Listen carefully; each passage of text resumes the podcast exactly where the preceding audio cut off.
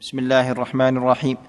الحمد لله رب العالمين والصلاة والسلام على أشرف الأنبياء والمرسلين نبينا محمد وعلى آله وصحبه أجمعين. أما بعد ربنا اغفر لنا ولشيخنا وللحاضرين والمستمعين. قال المؤلف رحمنا الله وإياه باب ما جاء في الإقسام على الله.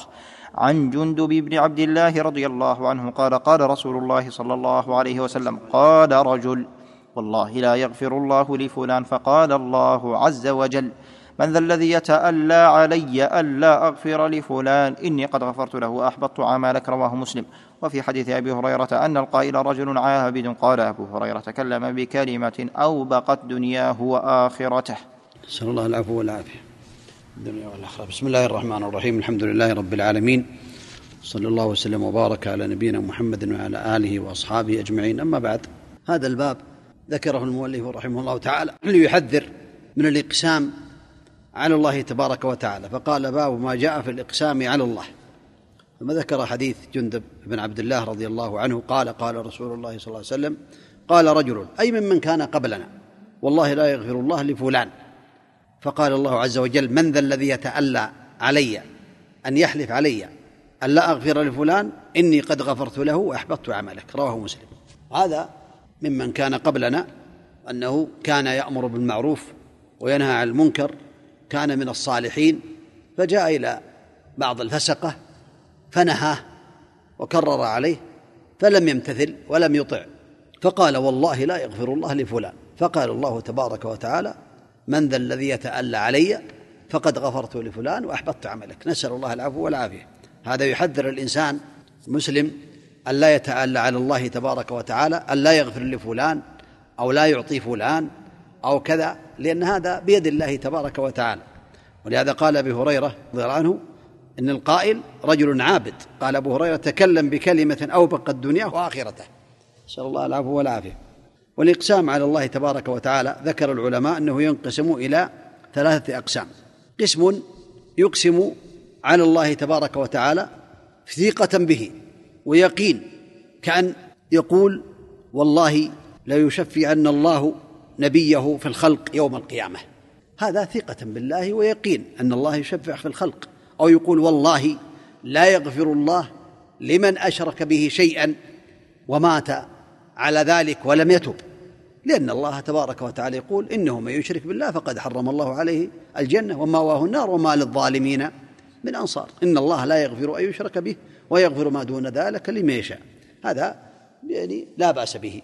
لأنه يدل على يقين هذا الإنسان لكن لا يحلف على هذا إلا إذا احتاج إلى ذلك. النوع الثاني أن يقسم على ربه لقوة رجائه وحسن ظنه به.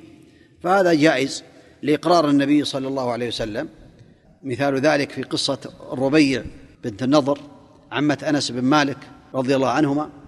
حينما كسرت ثنية الجارية من الأنصار فاحتكموا إلى النبي صلى الله عليه وسلم فأمر بالقصاص. عليه الصلاة والسلام. فعرضوا عليهم الصلح فأبوا. فقال أنس ابن النضر والله يا رسول الله لا تكسر ثنية الربيع وهو لا يريد بذلك الاعتراض على حكم النبي عليه الصلاة والسلام ولكن يريد أن يبذل كل غال ورخيص حتى لا تكسر ثنية الربيع. فهو لم يعترض على النبي عليه الصلاة والسلام وإنما أقسم يعني من باب أنه سيدفع ما يريدون حتى يرضوا. فعرضوا الصلح عليهم بعد أقسامه فقبلوا الصلح. فقال النبي عليه الصلاة والسلام في هذا إن من عباد الله من لو أقسم على الله لابره هذا الحديث رواه البخاري ومسلم. فهذه لقوة رجائه بالله. ومن ذلك القسم كذلك قول النبي صلى الله عليه وسلم رب أشعث أغبر مدفوع بالأبواب لو أقسم على الله لابره وهذا رواه مسلم. القسم الثالث من الإقسام على الله تعالى أن يقسم على الله تعالى معجبا بنفسه ومنه حديث الباب. لأنه ما أقسم على الله إلا هذا عاصي وأنا من أهل الطاعة وأعجب بنفسه وعمله فلهذا حبط عمله. نسأل الله العفو والعافية في الدنيا والآخرة وبالله التوفيق. صلى الله وسلم وبارك على نبينا محمد وعلى آله وأصحابه أجمعين. سم. قال الإمام ابن باز رحمنا الله وإياه في شرحه لهذا الباب. أي باب ما جاء فيه من الوعيد فإنه لما كان الإقسام على الله جراءة على الله ونقص في التوحيد وضعف في الإيمان ذكره المؤلف هنا. حديث جندب قال قال رسول الله صلى الله عليه وسلم قال رجل والله الحديث. جندب بفتح الدار وضمها لغتان. قوله من ذا الذي يتألى علي؟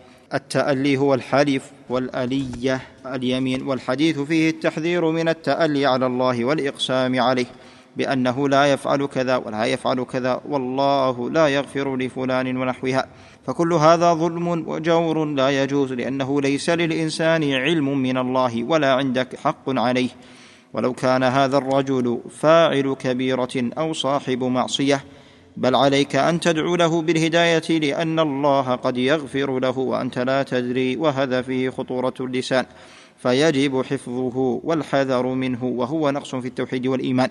في حديث أبي هريرة أن القائل رجل عابد أي أن الذي حمله على هذا غيرته وعبادته التي يتعبدها على أن قال هذا الكلام السيء. وفي هذا أن الإنسان قد يغار غيرة خاطئة خاسرة.